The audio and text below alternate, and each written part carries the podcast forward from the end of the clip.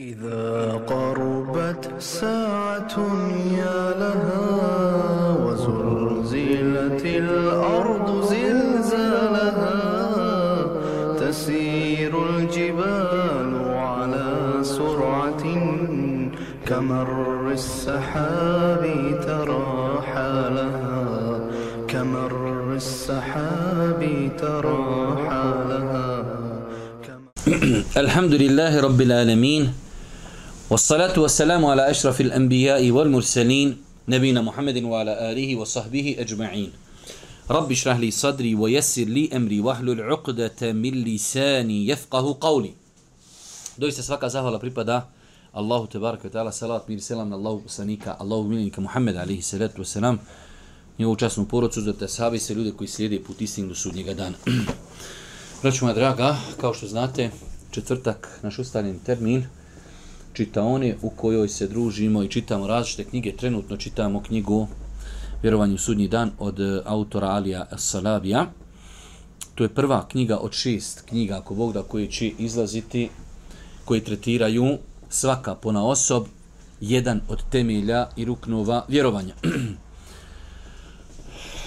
Prošli put smo, nakon što smo govorili prethodno velikim i malim e, predznacima sudnjeg dana, sudnjeg dana govorili smo bukvalno kako će početi sudnji dan.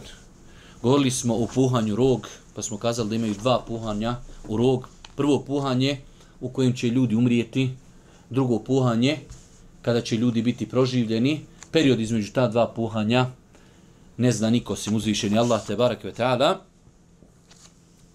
Spomenuli smo argumente i hadise koji ukazuju da melek koji je zadužen za puhanje u rog očekuje naredbu svoga gospodara do te mjeri da gleda prema aršu i ne tripa, znači bojeći se da ne okasni ispoštovati naredbu uzvišnog Allaha te baraka ta'ala. Nakon toga smo govorili o dokazima oživljenja. Govorili smo da nakon znači puhanja u rog imamo oživljenje, Kur'an mnogo pažnji posvećuje oživljenju, jer Kurešije, pogotovo prvenstveno u to vrijeme, imali su jednu veliku nejasnoću kako to da uzvišeni Allah će čovjeka nakon što čovjek umre, nakon što mi vidimo, otkopamo kabur, vidimo da je čovjek, znači njegove kosti su istruhnule, kako će Allah Đelšanu ponovo proživjeti ljude? To im je bila jedna velika nejasnoća, s i nije nešto plaho čutka, nisu mogli povjerati Muhammed a.s. da ne povjeruju u takve stvari, ali Allah Đeršanu je znači baš na jedan detaljan način odgovorio svima onima koji ne vjeruju u proživljenje, pa smo govorili o različitim načinima dokazivanja kako Kur'an govori da Allah Đeršanu neke ljude već kroz historiju usmrtio pa ih proživio, pa nam uzvišen Allah e, povezuje proživljenje zemlji, oživljenje zemlji i bilja sa proživljenjem ljudi, onaj koji je stvorio čovjeka prvi put, on će ga oživjeti stvoriti drugi put i tako dalje. Navodili smo dosta tih e, argumenata koji govori o tome. Baš je se autor tu dosta e, zadržao. Nakon toga govorili smo o okupljanju ljudi na mašeru. Ljudi su proživljeni, ljudi su okupljeni i počinje nam, znači govorili smo o tim nekim velikim kosmičkim promjenama e, zemlja će biti promijenjena, e, sunce, mjesec će prestati i sunce e, znači davati sjaj i tako dalje.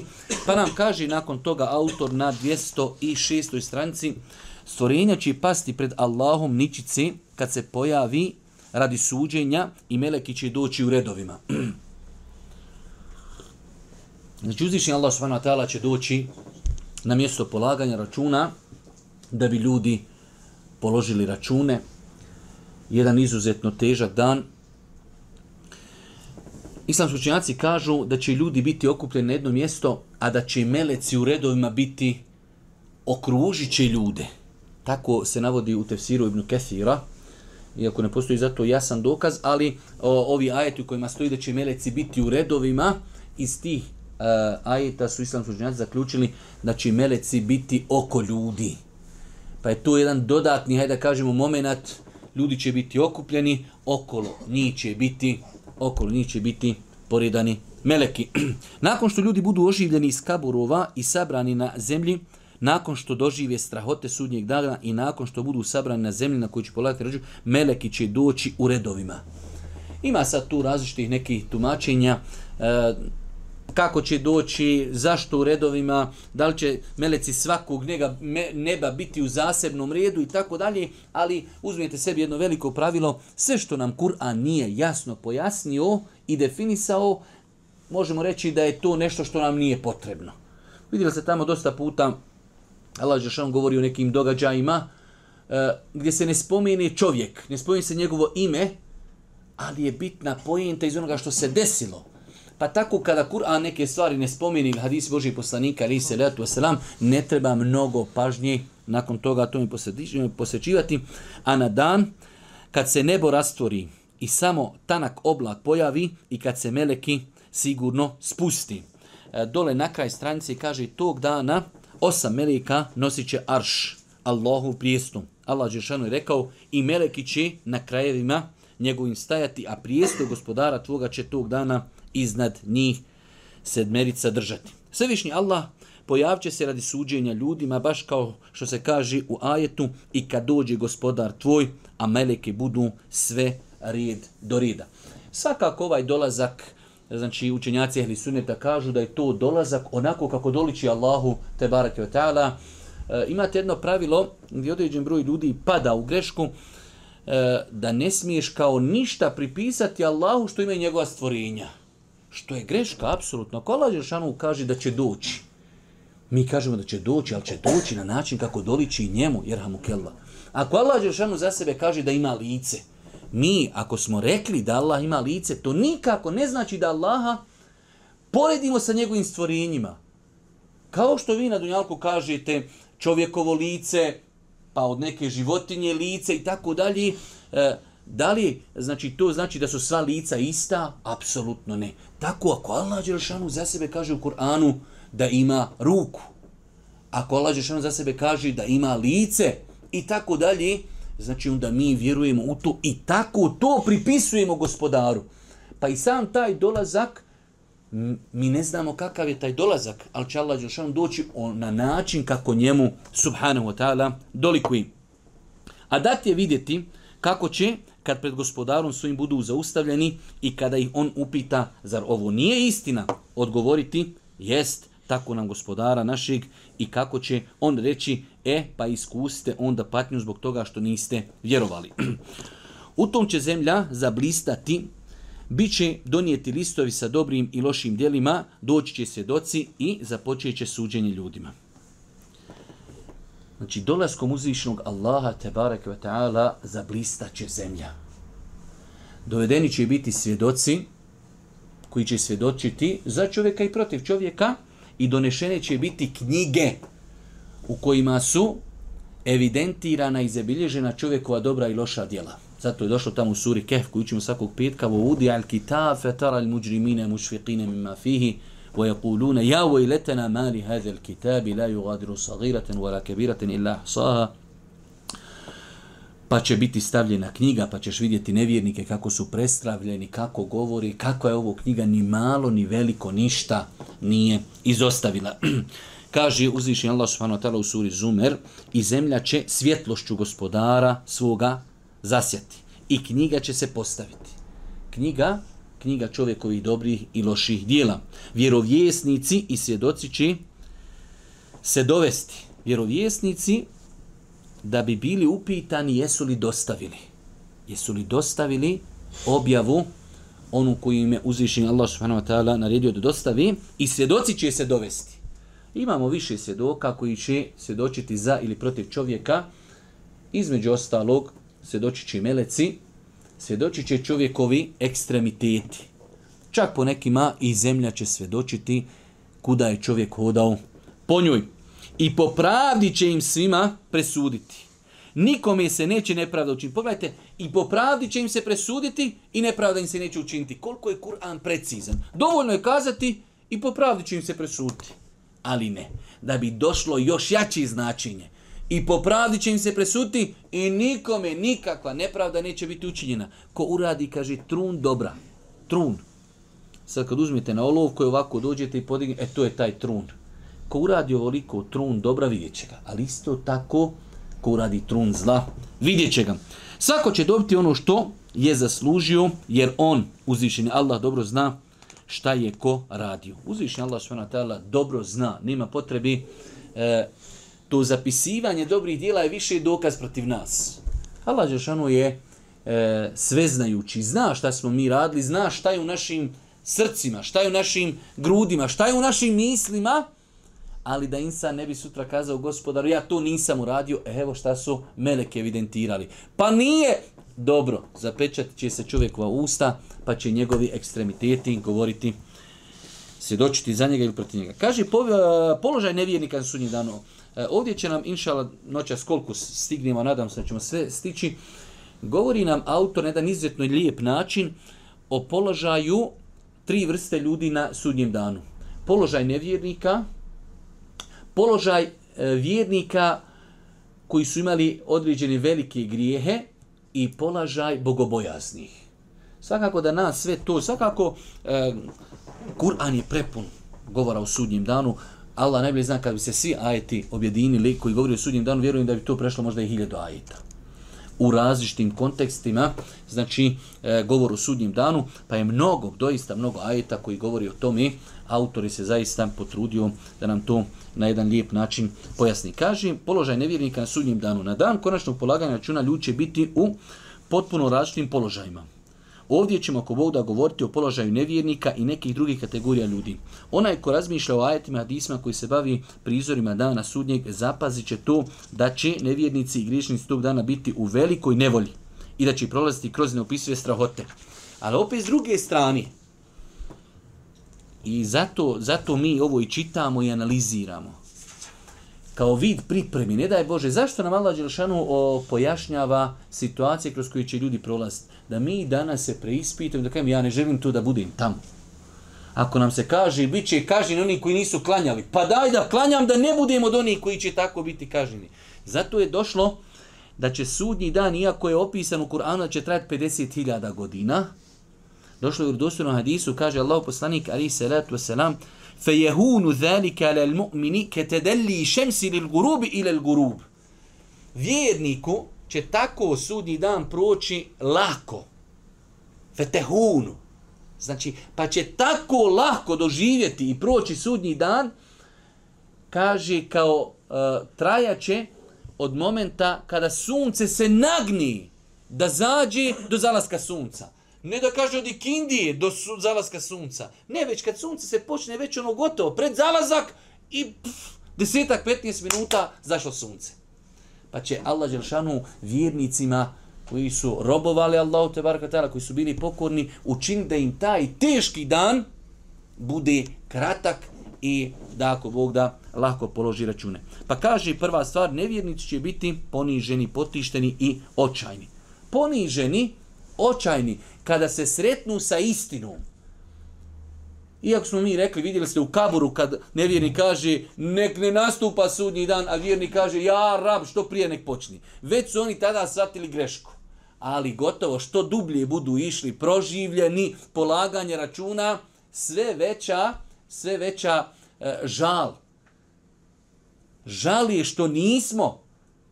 Sad ovo istina, ali valja sad ići ne daj Bože da nas Allah sačuva prema džehennemu. Kaži, o tom govori e, o tome govori i se u sljedećem ajetu, a oni koji čine nevaljala djela, čeka kazna s srazmjerno onome što su počinili. Njih će potištenost prekrivati. Zbog toga je ovdje autor citirao ovaj ajet, njih će potištenost prekrivati. Kako neće potištenost kad ti vidiš sad e, kad vidiš kažnjavanje, kad vidiš e, patnje, kad vidiš azab, definitivno da će biti potišteni i da će biti poniženi. Kaže se dole pred kraj, kad bližnji neće bližnjeg ništa pitati, iako će jedni druge vidjeti. Danas sam se baš vraćao e, na tefsirovi ovih ajeta. Znači, ljudi će nevjernici jedni druge vide, vidi rođaka, ali toliko je insan zaokupiran sobom i svojim problemima da niko nikog ništa neće pitati. Jube vidi, Vola jeselu hamimun hamima. Rođak za rođaka, dijete za majku, otac za sina, sin za... Niko ni za kog pita. A vide jedni drugi. Ali će svi vidjeti u kakvom su halu i stanju. Kad bližnji neće bližnjega ništa pitati, iako će jedni druge vidjeti. Nevjernik bi jedva dočekao da se od patnje tog dana iskupi sinovima svojim i ženom svojom i bratom svojim i porodcom svojom koja ga štiti i svima ostalim na zemlji. Allah ko hoće da, da djelimično svati težinu sudnjeg dana, ovaj moja je dovoljan.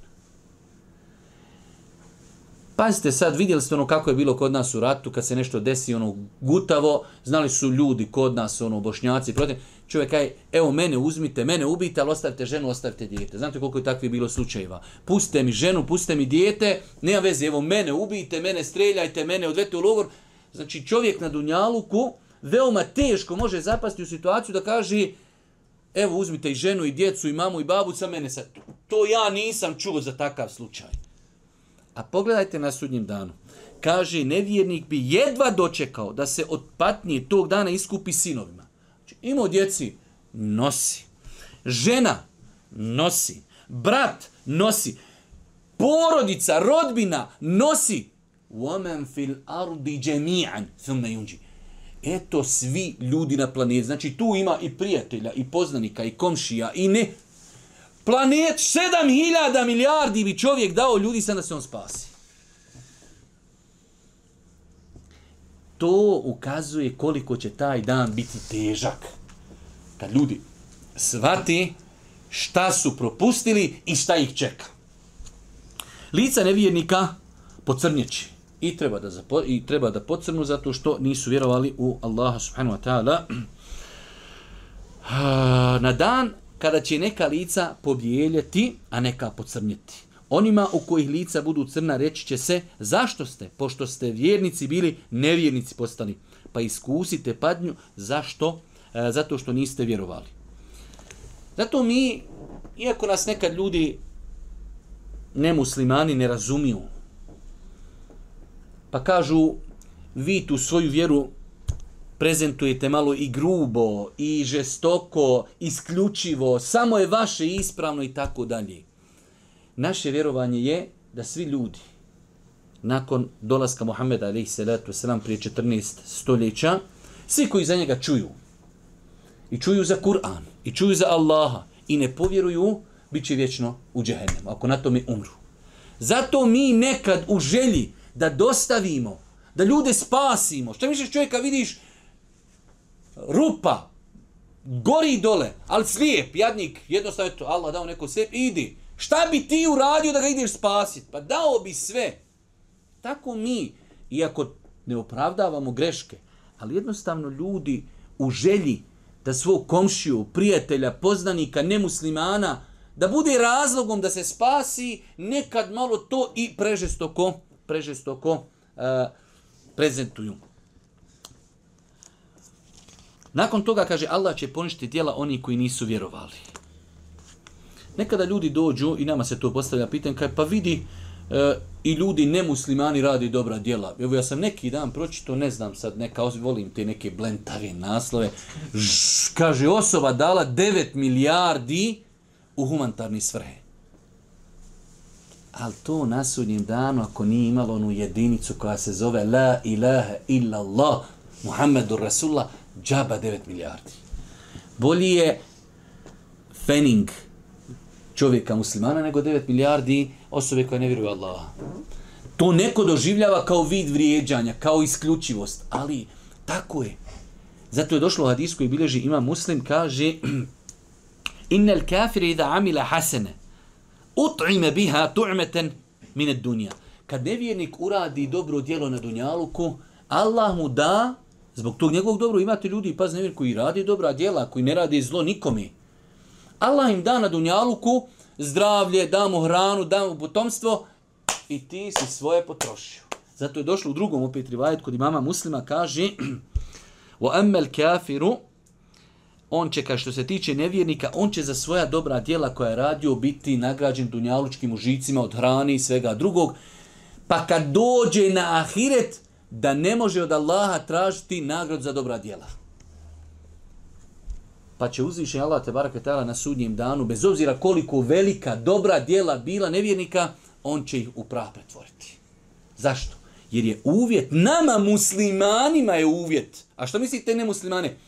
Može se čovjek desiti musliman i ne 100 maraka sadake da ga neko slikni za Facebook. Ne prima se. A musliman?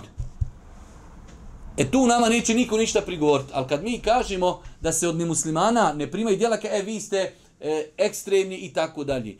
Mi kažemo i za naše ljude, muslimane, ako nisi bio iskren od Allah, bar kod neće ti djela biti primljena. Pa Allah Đelešanu nije primio djela od nevjernika zato što se u tim djelima nisu ispunila ta dva uvjeta. A mi o tome toliko mnogo govorimo djelo da bi bilo primljeno mora da bude iskreno radi Allaha. Radim to, pokoravam se Allahu i ne tražim nikakvu dunjalučku korist i da je u skladu sa šerijatom, da je u skladu sa sunnetom Božijeg poslanika, pa oba ova uvjeta nisu se ispunila u dijelima u djelima nevjernika. Pa kaži se u e, imamo ovdje na sredinu ovog pasusa i mi ćemo pristupiti dijelima njihovim koja su učinili i u prah i pepeo ih pretvoriti en mensura. Sve što su radili prah i pepeo. Šta znači? Ne troši se, ne prima se. Odbijeno, bez obzira koliko dobra djela bila urađena. Kaže se u suri Ibrahim, djela nevjernika u gospodara njihova nalik su na pepeo koji vihor u olujnom danu raznese. Neće moći očekivati nikakvu nagradu za djela koja su učinili, to će teška propast biti. Pazite, imate kad ljudi rade i udjeljuju i trude se i pazi na komšije, pazi na dijete, pazi na rodbinu, udjeljuje i radi. Zato kaže Allah, to će teška propast biti. Dođeš tamo, ništa. Nula. Jer nije bilo ni jedinice, a to je uvjet primanja dobrih dijela. La ilaha illa Nakon toga, kaže, nevjernici, nevjernici će se na stajalištima među sobom raspravljati. Pogotovo raspravljanje da Allah nas samo sačuva, da nas Allah učvrsti i da nam podari čvrstoći na pravom putu. Kako mene danas, kada vidite te medije, kada vidite manipulisanje masama, velik groj tih ljudi, zapadnjaka, nemuslimana, da nije medijskog pristupa islamu, oni bi primili islam. Ali te njihove glavešine koje drži medijski monopol, ne dozvoljavaju da islam dođe do tih ljudi u izvornom obliku. I zato standardno nemate nikakav terorizam osim islamski. I tako da, mnoge druge stvari ljudi se zastrašuju sa islamom. Pa Allah govori o tome da će se ljudi sa svojim svojim velikanima svađati i tražiti od Allaha da ih duplo kazni što ste nas zaveli. Mi smo u vas gledali. Kada dođu ljudi iz opće masi kad oni svojim autoritetima reknu, ama vi ste autoriteti, vi ste ba išli u školu, mi smo išli kod čarabaka za vama čoveče, što nas niste odveli na put istini. Pa Allah Đeršanu ovdje kroz nekoliko a, ajeta, kroz nekoliko ajeta E, govori o tome, evo na drugoj vamo strani imamo, kaže, zatim obični puk raspravlja će se s vođama koji su ga u zablu odveli. Evo o tome Allahovi riječi i jedni drugima će prebacivati, vi ste nas varali, nismo odgovorići, nego vi niste htjeli vjerovati, a nikakve vlasti nad vama nismo imali, objestan narod ste bili i riječ gospodara našeg E, da ćemo doista kaznu iskustvim nama se ispunila, a u zabludu smo vas pozivali jer smo i sami u zabludi bili. Ali vidi ti sad filozofiji, veli, nisu vas svi nasilu, mi smo svi imali kanale i tu smo štancali, vi slušali i išli e, kud svi tu i veliki mujo pa dolazi ovdje, ali gotovo sad ne koristi. To kod Allaha, što ti sad tom svom velikanu, autoritetu, to je već sudnji dan, gotovo. Ali nam Allah to e, spominje da bi mi u tome ibre uzeli. Kako velikani mogu ljude, autoriteti odvesti u dalalet i zabludu. Ima a drug njegov će reći, gospodaru naš, ja ga nisam silom zaveo, samo je u velikoj zabludi bio, ne preperite se preda mnom, reći će, on još davno sam vam zaprijetio. Onom ko se bude slijepim pravio, da ne bi milostivog veličao, mi ćemo šetana tovariti pa će mu on nerazvojni drug postati. On će ih od pravog puta odvraćati, a ljudi će misliti da su na pravom putu. Danas imate ljudi, što je logično, ali eto ja sam po tim društvenim mrežama, pa, pa osim, imate kod ljudi nemuslimana ti peše s nekih poštapalica koji su ko neki glavni dokazi da su oni na istini. Vi ste prodali vjeru za večeru i to ljudi, to je ta, ali čovjek konta to je toliko jak dokaz, ne možeš ga pomakijet bagerom. On prvo, pa dobro je, jel ta tvoja, evo, nacija, Jeste vi ste to vi sreli Isusa, pa to Isus hodao Isa, ali sam po Evropi. Pa i vi ste nekad bili nešto drugo, pa ste prihvatili neku vjeru. A, pa dom moramo mi, ali ne mrete vi. I tako ti neki poštapalica, znači da ne govorim kako da se ne bi ko ljuti, ali u svakom slučaju vidimo ovdje kroz ove razgovore između e, čovjeka i šetana da, da, će se, jednostavno nisu to bili, niko nije mogao nikoga nasilu negdje odesti. ali je pojenta da ovdje kaže, pogledajte, a ljudi će misliti da su na pravom putu. Danas imate ljudi toliko on žestoko, iako je to Allah je dao kao ibret ljudima, Imate ljude koji su bili najveći neprijatelji Islama. Istražuju Islam, da vrijeđaju poslanika, ali selam, da vrijeđaju njegove žene, da, da nađu greške u šerijetu i nakon dvije, tri godine čovjek iziđe javno i ja sad primam Islam.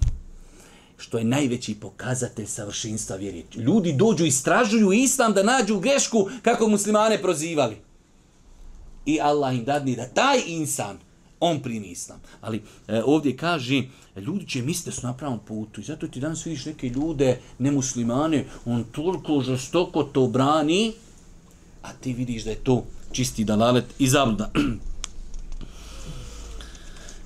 Pa čak, kaže ovdje navodi, nevjernik će raspraviti se sa svojim udovima, Znači, rasprava će, što je to, pa svjedočite vi sad protiv nas, pa će mu reći njegovi ekstremiteti, pa Allah je sad dao nama mogućnost da i mi svjedočimo, pa svjedočimo protiv insana. Stanje nevjernika na sudnjem danu. Nevjernici će u sudnjem danu biti e, potjerani žedni, baš kao što uzvišeni Allah Đašanu kaže, a kad u džehennem žedne griješnike potjeramo. Sad nam govori e, o određenim svojstvima, osobinama koji će imati pri sebi i patnjama koji će imati nevjernici na sudnjem danu, pa kaže bit će žedni. Također, bit će sabrani slijepi, njemi i gluhi. Kao što si na Dunjaluku, nisi želio da koristiš svoj sluh, nisi koristio svoje oči, nisi koristio svoj razum, pogotovo danas, ljudi nisu svjesni ovog interneta. Nakon ove pojave tehnologije, nemoguće neko dođe i nas i kaže, ja rab, ja nisam znao a nosio si mobitel, iako imamo mi za njega to jedno specijalno ime, i odeš na YouTube i tamo ukca Islam, Zakir Naik, Safet Kurzović, ne znam nijako, Islam, muslimani, hadisi, Buharija, muslim, Kur'an, prijevod. Ne možeš, nisam znao. Pa bilo ti u džepu čoveč, vi koliko bli i cijeli dan s tobom. Neće ljudi imati dokaza zašto nisu slijedili vjeru. Pa kaže, bit će proživljeni i gluhi i slijepi. Mi ćemo ih na sudnjem danu sakupiti licem zemlji okrenute, slijepe, njeme i gluhe. Boravište njihovo bit će Kad god mu plamin jenja, pojača, pojačamo im oganj. Subhanallah, e, kad je Boži poslanik rekao ashabima, kaže Allah Đelešanu će ljude proživjeti, kao što je ovdje došlo u ovom ajetu, kaže se, mi ćemo i na sudnjem danu sakupiti licem zemlji okrenute. Nevjernici će na, na ahiretu će hodati na licima svojim. Pa su asabi rekli, kako Boži poslaniće, kaže, kefe juhšerul kafiru ala vođi jeumel qiyame. je asabi Boži poslanika, hadis bilježi muslim, kako to da će biti da hodaju na licu? Kaže Allah poslanik, e onaj koji ga je stvorio na dunjalku da odva na dvi noge, će ga na dunjalku da hoda na licu. Pogledajte koji je to poniženje. Bio si na Dunjalku, Allah ti dao razum, dao ti pamet, dao ti srce, dao ti oči, dao ti slu. I ti to ništa nisi koristio. E sad ćeš tako, obrnut ćeš bit, kao što nisi koristio svoje blagodati, onako kako treba, e sad ćeš, umjesto da hodaš na nogama, hodat ćeš na svome licu. pa kaže se, a onaj ko okrine glavu od knjige moje, taj će tiškim životom živjeti. Misli se na Dunjaluk. I na sudnjem danu ćemo ga slijepim oživjeti. Gospodaru moj, reći će, zašto me slijepa oživio kad, nisam vi, e, kad sam vid imao, nema ovdje kraja ajeta, kaže Allah a tako su ti dolazili naši ajeti, a ti nisi htio da vjeruješ u naše ajete.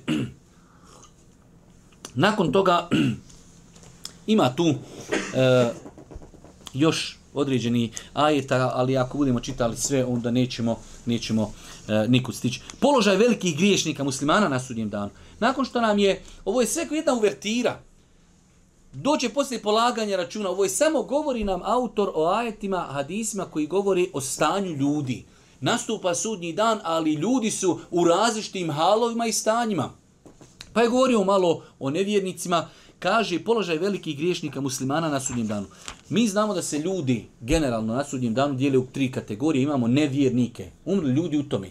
Nevjernik je osoba koja je umrla, nije bila musliman. Ja znam da ljudima nekad teško pada, čuj, nisam, ja vjerujem u nešto. Ne vjeruješ ti u ono što od tebe traži islam, a svako mora u nešto vjerovati. Pa imamo nevjernike, ljude koji su umrli, a nisu bili muslimani. Imamo mimo toga muslimane koji se dijele u dvije kategorije, imamo velike griješnike, čiji grijesi su bili teži od dobrih djela i imamo ljude, monoteiste, muslimane, čija dobra djela su bila teža od grijeha. Pa nam ovdje autor navodi kroz hadise i ajete određeni velike grije koji su spomenuti u hadisima Božih poslanika, davanje zekijata. Jedan od osnovnih islamskih obaveza, to je dužnost koja se veže za čovjekov imetak. Onaj ko ne bude davao zekijat na imetak, Biće na dan strašnog polaganja računa kažnjen pomoću istog tog imitka. Biće prikazan u veliku, biće prikazan u veliku e, u liku velike zmije otrovnice koja će imati očnjake i koja će se oko njega smotati te ga uzeti u ustima. Vidite kako je Allah subhanahu pravedan. Na je Allah dao imitak jer sve što čovjek posjeti mu je Allah dao.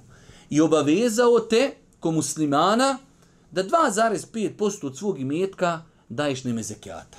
Allah je pravedan. Da je tražio od nas pola, to je njegovo pravo. 2,5%. I to nakon što napuniš nisab. Nemaš nisab, ne moraš ništa ni davati čitav život. Ali već imaš 10.000. Ušte, od toj prilike negdje nisab. A Boga mi, znači, e, ti si već imućan. Imaš 10.000, nisi nikom ništa dužan, od tebe se traži da izdvojiš 2,5% koji ćeš dati bijedi, koji ćeš dati sirotinji. Pa kad insan uskrati to, pogledaj kako Allah Đelšanu ga kažnjava na sudnjem danu, da će se taj njegov imetak pretvoriti u veliku zmiju sa velikim očnjacima koja će ga daviti i koja će ga gutati i jesti. Ali i metak će se pretvoriti i će se pretvoriti u, tom. Vjerovjesnik sallallahu sallam jednom prilikom je kazao, kome Allah da i metak, kome Allah da, Umjesto da budeš zahvalan, da trošiš, da daješ, da ispituješ gdje ima, čovjek škrtari. Kome Allah da imetak, pa on na njega ne bude davao zekijat, taj će mu imetak na sudnjem danu biti prikazan u liku velike zmije o trunci, koja će imati očnjake. Ona će se oko njega smotati toga dana, uzet će ga ustima i reći, ja sam tvoj imetak, ja sam tvoje bogatstvo koje si gomilao. Kolik, danas, kada bi muslimani, generalno govorimo, mi odmah prvo pomislimo na Arape, ali imamo mi svoji Arapa koliko hoćete, samo što i ne znamo, kada bi mi izdvojili zekijat preko noći za 24 sata bi nestalo bijedi. Samo 2,5%. Kako istan, savršen potpuno. Ako se pak radilo o zlatu i srebru, a današnje su pare ništa drugo do zlatu i srebrom, na koji čovjek nije davao zekar, bit će kažen tako što će zlato i srebro koje je gomilao biti pretvoreno u usijane ploče kojima će biti žigosane njegove slabine, čelo i leđa. Pa kaži, kad god se ohladi, ponovo će biti usijane i ponovo će biti kažnjavan i zato je autor e, naveo e, hadis kaže vlasnik zlata i srebra koji ne ispunjava svoje obaveze bit će kažnjen na sudnjem danu tako što će zlato i srebro koji je u biti pretvoreno usijane ploče kojima će biti žigosane njegove slabine, čelo i leđa. Kada god se ohladi, ponovo će biti usijano, to će trajati 50.000 godina dok se ne završi suđenje ljudima i dok ne bude raspoređen ili u džehennem. Ove zadnje riječi su bile razlogom da islamski učenjaci smatraju da čovjek koji ne daje zekat nije izišu iz vjeri. Ali veliki grijeh uradi. Pogledajte kažnjavanja da se to zlato i srebro pretvori u ploče usijane i oni njega time prži. Ali kaže opet, kad se završi, kaže suđenje, da vidi gdje su ga rasporedili, džennet ili dženne, možda je, jest, nije dao zekat, ali možda imao drugi neki dobri dijela, pa će to prevagnuti pa da ode u džennet. Ali je radio veliki, veliki grih, zbog kojeg će biti kažnjavan na ovakav način. Oni koji Allah neće osloviti, niti će ih očistiti. Znači imamo opet kroz uh, eh, hadisa Allahog poslanika ali se ratu osram, spomenuti su osobe jesu bili vjernici, ali zbog određenih grijeha Allah Đelšanu s njima neće razgovarati. Kažu islamski učinjaci, misli se neće razgovarati razgovorom milosti i rahmeta. Neće razgovarati razgovorom milosti i rahmeta. Vamo na drugoj strani imamo hadis tri kategorije ljudi Allah neće pogledati na sudnjem danu, niti će ih očistiti, neće im oprostiti grijehe. E, I njima pripada bolna patnja. Čovjek koji zabrani višak vode putniku namjerniku. Čovjek ima vode.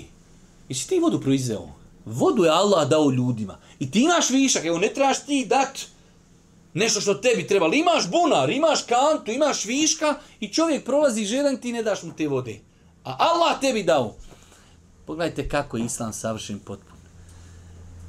Možeš ti kazati, pa moje, čovjek, treba mu, potreba, pa čak do te mjere i životinja. Pa kaže, to je jedna od kategorija ljudi, ima vodu koju mu je Allah dao, on je uskraćuje putniku, namjerniku, insanu koji je potreban. Čovjek koji e, vladaru prisegu daje samo radi metka. Ako mu da metak, bude zajedno, ako mu ga uskrati, rasrdi se. Znači, ljudi u našem žargonu kazano interesđe. Znači on čak halifi, e, kralju, daje prisegu samo zbog imetka. Ako ima para, tu sam, nema, idem u drugu stranku i tamo gdje ima, gdje se more grabiti. I čovjek koji izloži svoju robu poslije ikindije, namazate se za kune. Tako mi Allaha, osim kojeg nema drugog Boga, za ovu sam robu dobivao toliko i toliko novca i nekomu povjeruje Znači čovjek prodaje i laže ljudima, ja, ljudi mi davali za ovo auto 20.000, ja ga nisam dao. Kao ono, pa trebaš ti dati 21.000 i još pazi, zaklinje se Allahom poslije namaza i klanju. I poslije nama i zaklinje se uzvišenim Allahom te zbog toga Allah Đeršanu s takvima neće govoriti, neće im oprostiti grijehe. Oni koji u ratni plin, jedan od velikih grijeha u islamu i ovdje je autor mnogo vremena, odnosno citirao duži jedan hadis, e, u kojem e, znači jasno se vidi da je u islamu zabranjeno uzimati bespravno ratni plin. Znači muslimani kada ratuju, sve što zarobi se objedinjuje na jedno mjesto i onda prijedvodnik muslimana dijeli onako kako je to prema islamu e, zacrtano.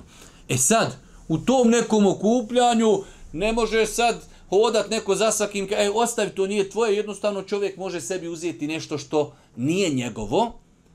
Pa je Allah poslanik ali se ratu se u više vjerodostojnih hadisa strogo, ali baš strogo, e, znači e, zabranio, čak je spomenuo onoga čovjeka e, koji je uzeo samo ogrtač, samo ogrtač, kaže njegov ogrtač koji je uzeo iz ratnog plijena bez dozvoli sad gori na njemu u vatri. Pa je jedan od velikih griha spomenut za sudnji dan jeste da ljudi iz e, ratnog plina uzmu nešto bez dozvole svoga nadređenog. Nakon toga, e, oni koji su se oholili, vjernik musliman, monoteista, ali ohol. Iako je došlo u određenim hadisima, oholost je betarul haq,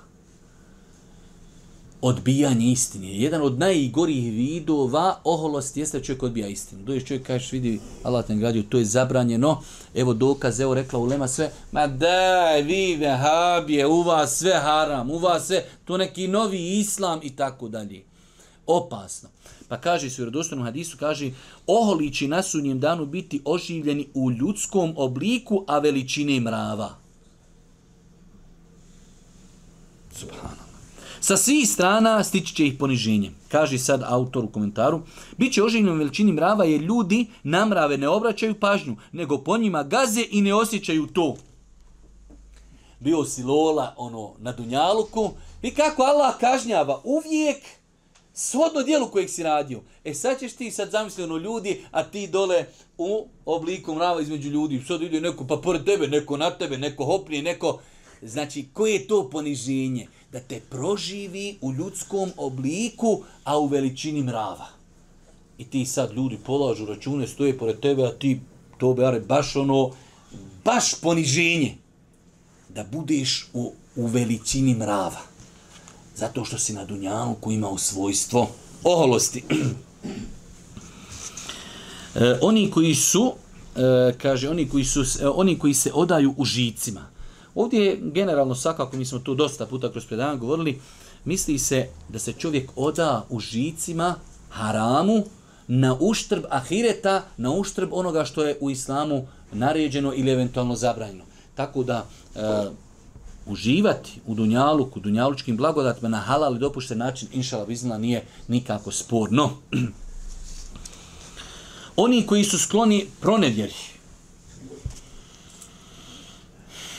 Pod izrazom nadređeni ovdje se podrazumijeva vladar, odnosno halifa. Prevara vladara, odnosno halife, i jeste na tom stepenu jer je zlo koje proističe iz njegove prevare sveobuhvatno, odnosno iz razloga što ima vlast u rukama te nema potrebe da bilo koga, da bilo koga vara.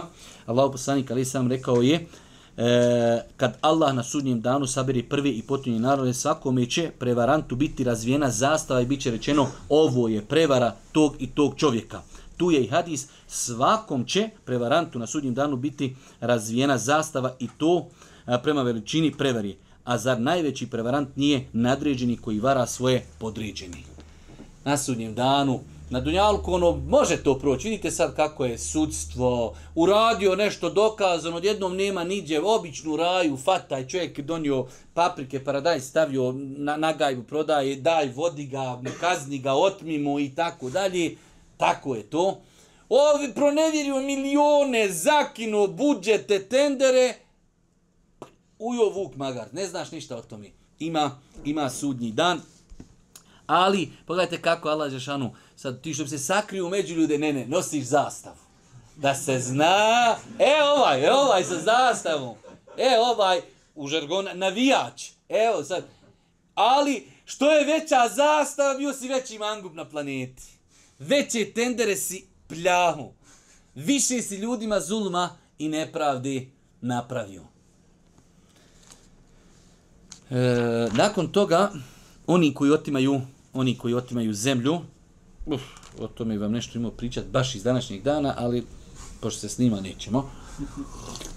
Generalno, danas mi jedna komšinica priča, događaj, starija žena, kad se kaj komšinica, neko ne bi šta loše pomislio, Kaže, ne znam, prije par mjeseci ona sad spominje onaj dvojicu ljudi, kaže, braća rođena, kaže, zbog međe se potukli ovaj, kaže, iscepo ga sekirom, kaže, ono, nafaširano. Zbog zemlje, čovječe, šta misliš? ti kaže, vidi, ubi čovjeka za zemlju od ovda do Švicarske. Pa ne zaslužuje čovječe. A ljudi ubiju jedan drugog zbog pol metra. Kaj, malo ovaj vamo, lijevo, desno, nije ovdje i to nikad ne mora biti razlika u 3 metra. U pol metra su razlike u međama. I tu motike, kako su motike dobri alati za uništavanje neprijatelja međa. To kako motike koji su napravljeni da se s njima kopa krompir, one prerastaju u jednom momentu u izuzetno jako oruđe i oružje kojim se uništavaju neprijateljski, neprijateljski vojnici. Motikama se ljudi, Allah mi ubio čovjeka. Što kad te čovjek motikom zvizne u glavu? I dobro struje motika uđe u glavu. I onda sam ovako izvadi, ko kuća krompira, izvadi ti mozak na, na, na, na, na onaj s motikom. Zbog metra, zbog metra živici. Zbog metra živici, čovječe. Nije neće, nije ovaj obrađivati, ni ovaj drugi, baš više niko zemlju ne obrađuje. Ali bitno se pobijemo zbog, zbog menjika, čoveče. Niko, ba, pa je li neko odnio sasvim u kabur, ba niko.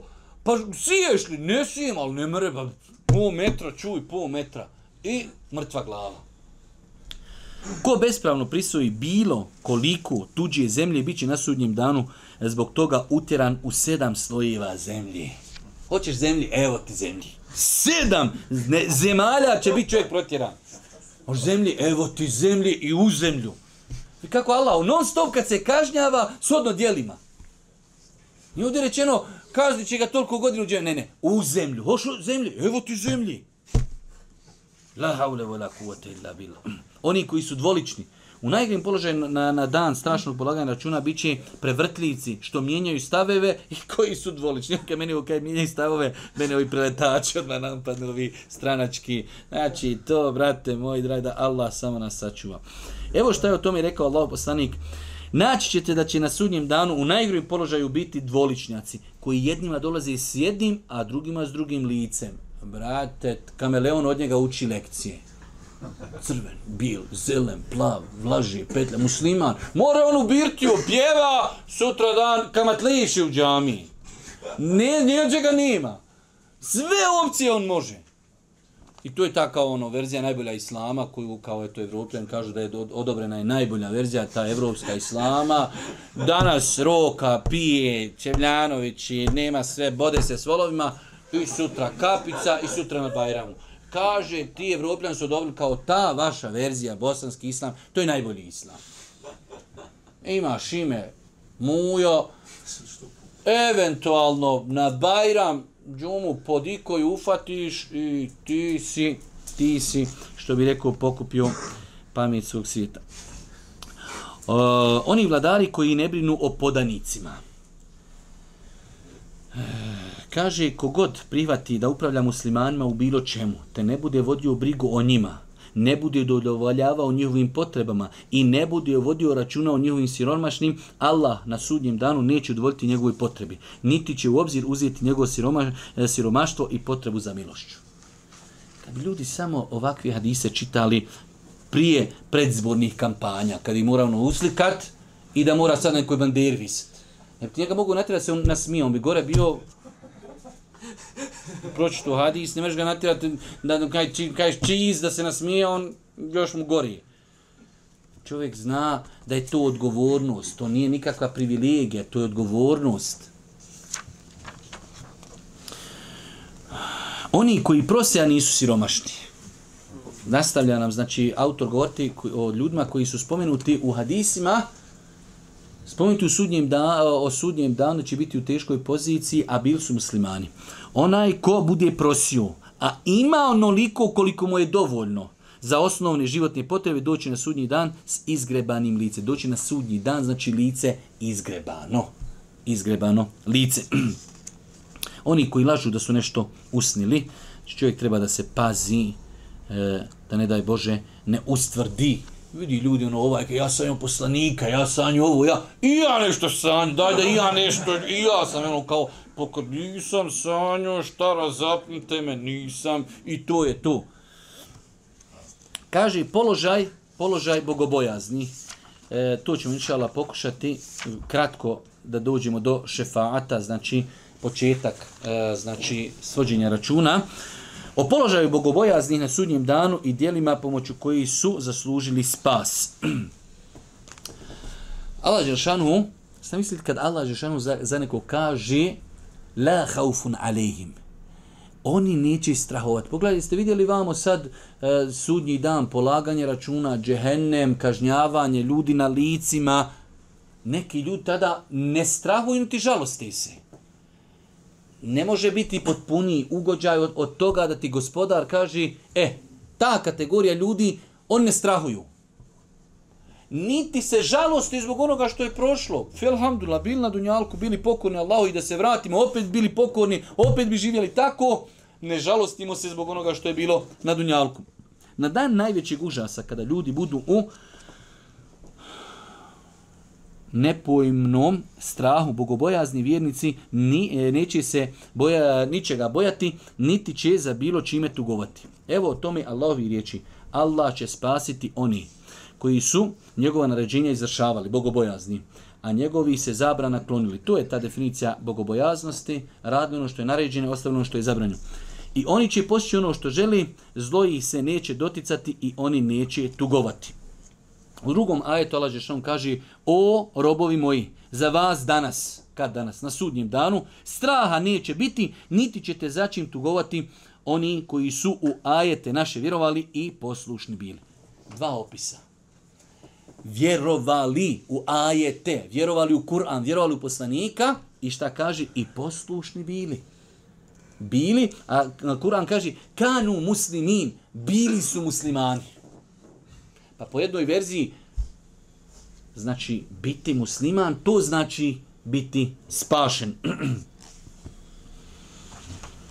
E, druga stvar, znači od opisa bogobojazni na, na Hiretu jeste kad njihova lica će biti svijetla i blistava. Vidjeli smo kad Allah Žešanu u suri Alimran govori o nevjernicu, kaže njihova lica će biti crna. Zbog nevjerstva, zbog grijeha, zbog brige, a vjernici njihova lica blistava blistava zbog abdesta, kao što će doći u Adisima, blistava zbog imana, blistava zbog sreći, vjerovali, sretni, zadovoljni, čekaju ulazak u džennet, da vide i poslanika, ali se letu selam, takva lica su sretna, ozarena. Pa kaži, a oni u koji lica budu bijela, bit će u Allahovoj milosti, u njoj će vječno ostati. Drugi ajet, neka lica bit će toga dana blistava, nasmijana, radosna. Isto tako, bogobojazni će biti u hladu, uvedeni u hlad arša, znači na dan sudnji, sudnjim danu, kada budu veliki belaj, veliki problemi, neko će biti u hladovini. Pa nam ovdje autor navodi oni poznati sedam kategorija. Pravedni vladar, mladić koji je odrastao u pokornosti Allahu, čovjek čije srce vezano za džamiju, dvojica, koja se zavoli u ime Allaha i radi njega se sastaju i rastaju, čovjek koga pozove ugledna i lijepa žena pa on kaže ja se bojim Allaha. Čovjek koji tajno udjeli milostinu tako da njegova desnica ne zna šta je udjelila ljevica ili obrnuto i čovjek koji će u, koji se u samoći sjeti Allaha pa mu suze poteku. Znači sedam kategorija koje uzvišeni e, Allah s.w.t. stavit će u hlad arša kako je došlo u hadisu. E sada imamo još neke, još neke predaje, odnosno neke hadise koji govori E, da će nagrada čovjeku biti, e, da će ga Allah staviti u hlad. Arša nije spomenuto u ovom hadisu, pa je ovdje spomenuto Allah će u svoj hlad smjestiti onog ko ne potražuje dug od dužnika siromaha, odnosno onoga komu dug oprosti. Čovjek dužan, ovaj koji je vlasnik novca nije potreban toga ili ne potražuje, vratit će kad mogni ili mu to halali. To je jedno veliko djelo i ako Bog da u nedjelju ćemo uh, u, u Skenderiji, ako Bog da u Dom mladih, baš govoriti o tim djelima u vremenu uh, znači inflacija, poskupljenja, koliko je dobro da se muslimani u takvim vremenima međusobno potpomažu. Ako te već Allah učinio imućnim i već si nekom dao novac i taj novac ti nije potreban, najbolja su ova vremena da se ljudima halali dug. Ili da mu se ono baš kaj vidi, brate, ako ikad mogneš, vrati. Ali ono, ako baš bude imao viška, no, mimo toga smatraj da je tu, smatraj da je tu, što bi rekao, halal. Vladu Aša na sudnjem danu e, bit će i onaj ko svom dužniku olakša vraćanje duga ili mu to oprosti. Isto tako kad su u pitanju bogobojazni, oni kojima će biti olakšane muke i e, tegobe sudnjega dana. Strahote koji donosi sudnji dan bit će olakšane onima koji na ovom svijetu budu olakšavali tegobe u nesrećenima i pomagali siromašnima. Vidite, opet se vraćamo, e, jedan šeh je napisao jedno veliko dijelo u dva toma, kako Allahova nagrada, a i kazna bude shodna dijelu. Pa je onda analizirao desetine, ako ne i stotine hadisa, jajeta, gdje se uvijek vidi da kad insan radi dobro djelo, da mu Allah daje nagradu i ne daje Bože ako je grije u pitanju kaznu odnu njegovom djelu. Pa kaže ovdje, Allah poslanik je rekao, onom ko vjerniku olakša jednu ovo svjetsku nevolju, Allah će olakšati jednu od ahiretskih njegovih nevolja. Nije ovdje rečeno oprošćemo grijehe, ne. Ti olakšao, čovjek bio bjeda, sirotinja, e, ga neki tim ti olakšao. I tebi će Allah olakšati na sudnjem danu. Zato je došlo u suri Ar-Rahman Hel jaza'ul ihsani illa ihsan Zar nagrada za dobro djelo može biti drugo išta osim dobro djelo?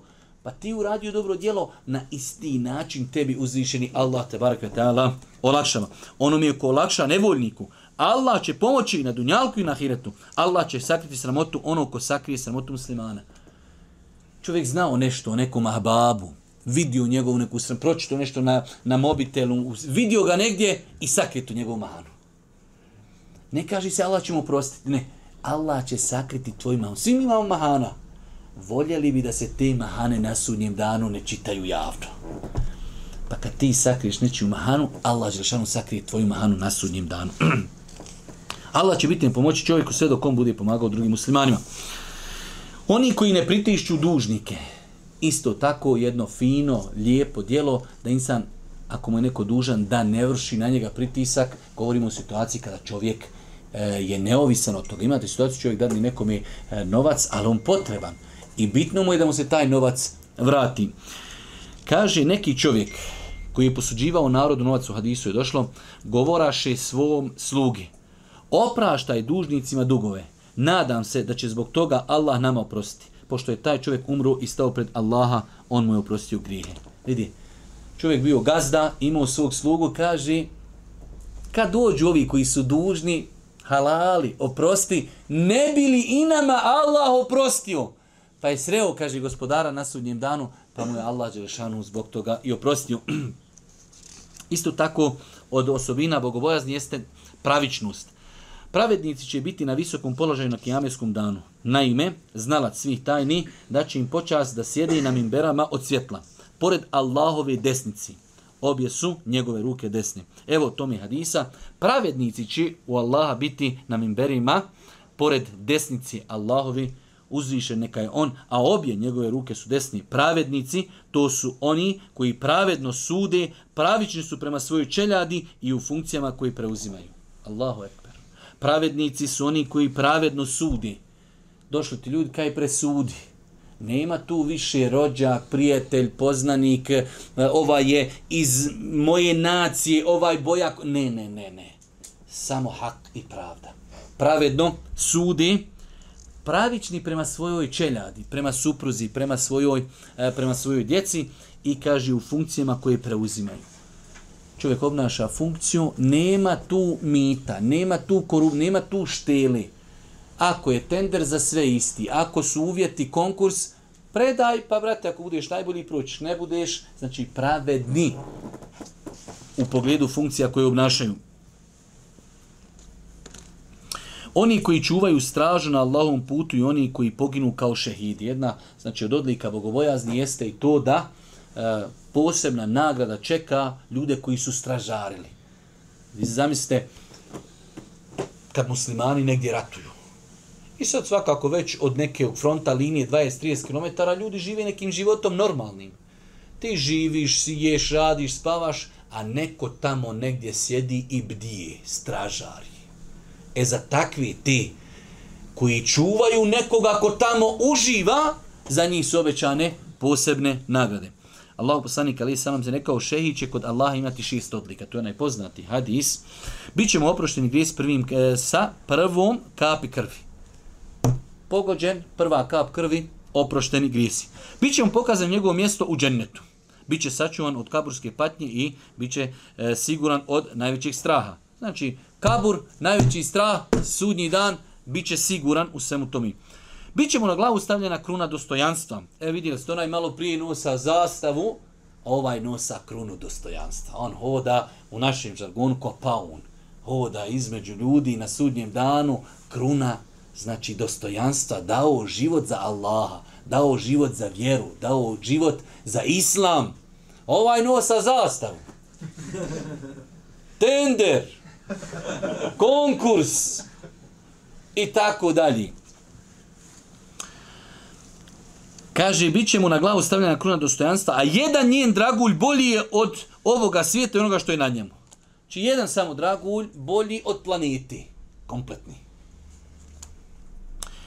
Biće, ošen, uh, e, biće oženjen sa 72 hurije i moći će se zauzimati za 70 svojih rođaka. Znači, Allah će mu dopustiti da se zauzme za 70 uh, e, članova svoje rodbini. Tu su i poslanikove riječi čuvati stražu jedan dan vrijednije je od besprekidnog pošćenja. Onaj ko umri čuvajući stražu na lom putu bit će pošteđen najvećeg užasa na sudnjim danu. Isto tako od e, osobina bogobojaznih jezde da se, kaže, čuvaju srđbi. rasadi se čovjek, ima mogućnost da to ispolji, ali ukroti, ukroti svoje protjeve. Onog ko zato mi bijes, a kadar je iskaltiv. Imate nekad naljutiš se na nekoga, ali ti si u policiji, ti se naljutio. Šta koga vrijeđa što se ljuti, ne smiješ i to ispoljiti. Ali se nekad naljutiš na mlađeg, na bijedu. Ti si u školi učitelj, naljutio se na djecu. Ti si gazda, naljutio se na radnika. E ti sad možeš to ispoljiti. E tu ko se obužda, Tamo će ti dođeš i ti sad u policiji ti seš da ljuti, ali ti manji od makova zrna. I ti šutiš, sam jaučiš. Ali ti sad kad ti šef, ti gazda, ti se ljutiš, kad muha proleti e, kroz ofis. E, tu se treba tu se treba suzdržati onoga ko zato mi bijes, a kadar je iskalti ga, Allah će pred svim stvorenjima na sudnjem danu pozvati da sebi izabere koju god hoće džennetsku huriju. Allahu ekber! Eh, oni koji, su oni koji oslobađaju robove muslimane, oni koji su bili mu jezini na ovom svijetu. Znači, inače u islamu je jedno od pohvalni, izuzetno pohvalni dijela jeste da čovjek bude pogotovo dugo, kontinuirano, pošto imaju određeni hadisi koji baš obećavaju posebne nagrane za ljude koji su kontinuirano bili moezini. Pa kaže se ovdje, kaže Allah kaži, kaže moezini će na sudnjem danu imati najduže vratove. E, postoji nekada sam istraživao komentare učenjaka šta se tu misli pod najduži vratove, ali ovdje je baš na jedan jednostavan način, jer to je došlo u e, spominje Boži poslanik to u vidu pohvali to što će oni imati duge vratove, to je neki vid e, da su oni izdvojeni od ostalih. Da se zna dugog vrata, to su bili naši mojezini. Pa kaže on, dužina vrata ovdje ukazuje na ljepotu i sklad njihovih tijela, što je u skladu s dijelom zbog kojeg su tu odliku zaslužili. Znači, e, jednostavno, to je ta neka odlika, ko što će neko imati krunu, neko će imati neku zastavu, muezini će imati opet u najljepšem obliku, imat će duge vratove da se zna da su to bili muezini na Dunjalku. Oni koji osjede u islamu, zato je došlo u islamu poseban tiram i pažnja prema osobama starijim.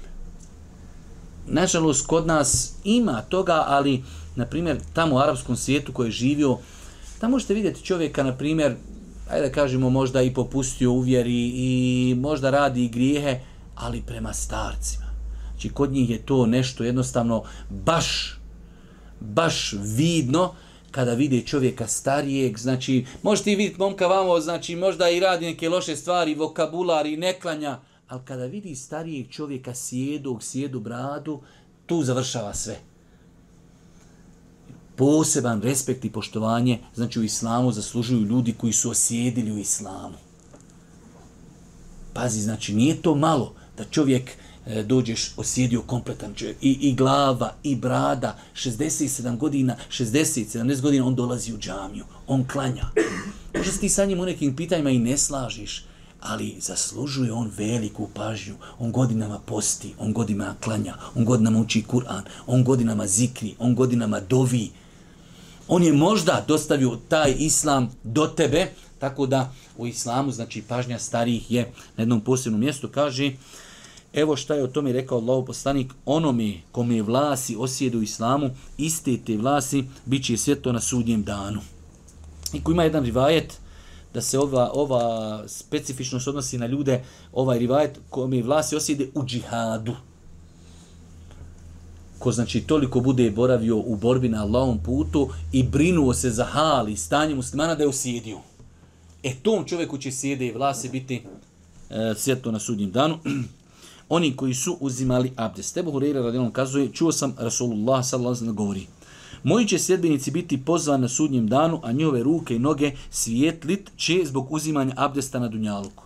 Znači ljudi, vjernici, na ahiretu će biti prepoznatljivi da mjesta gdje su uzimali abdest će imati poseban sjaj. Posebne tragove će imati mjesta koja su prali.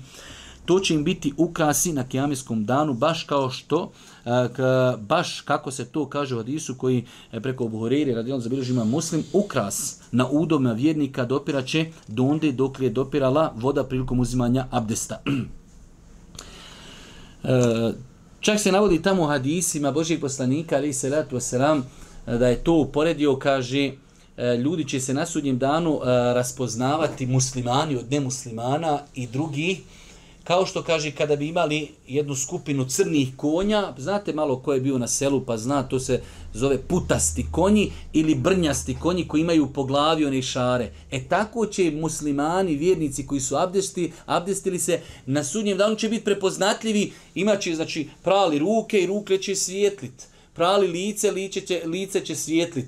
E, prali noge, noge će svijetlit. Kao što se znači oni e, putasti ili šareni konji razlikuju u stadu crni. Imaš crne konje kad odjednom, A ah, primjetiš na jednom šare. E tako će i vjernici na sudnjem danu biti prepoznatljivi zbog tragova abdesta, e, zbog tragova abdesta kojeg su uzimali na sudnjem danu. Allah Žešanu, molim da nas učiti na putu istini, da nam istinu pokaže istinu, a da nam olakša njeno sliđenje, da nam grijehe pokaže grijesima i da nam omrazi njeno njihovo činjenje i njegovu prakticiranju. Subhani kallahu wa bihamdike, šedun ilaj la ilaha vo etubu ilajk.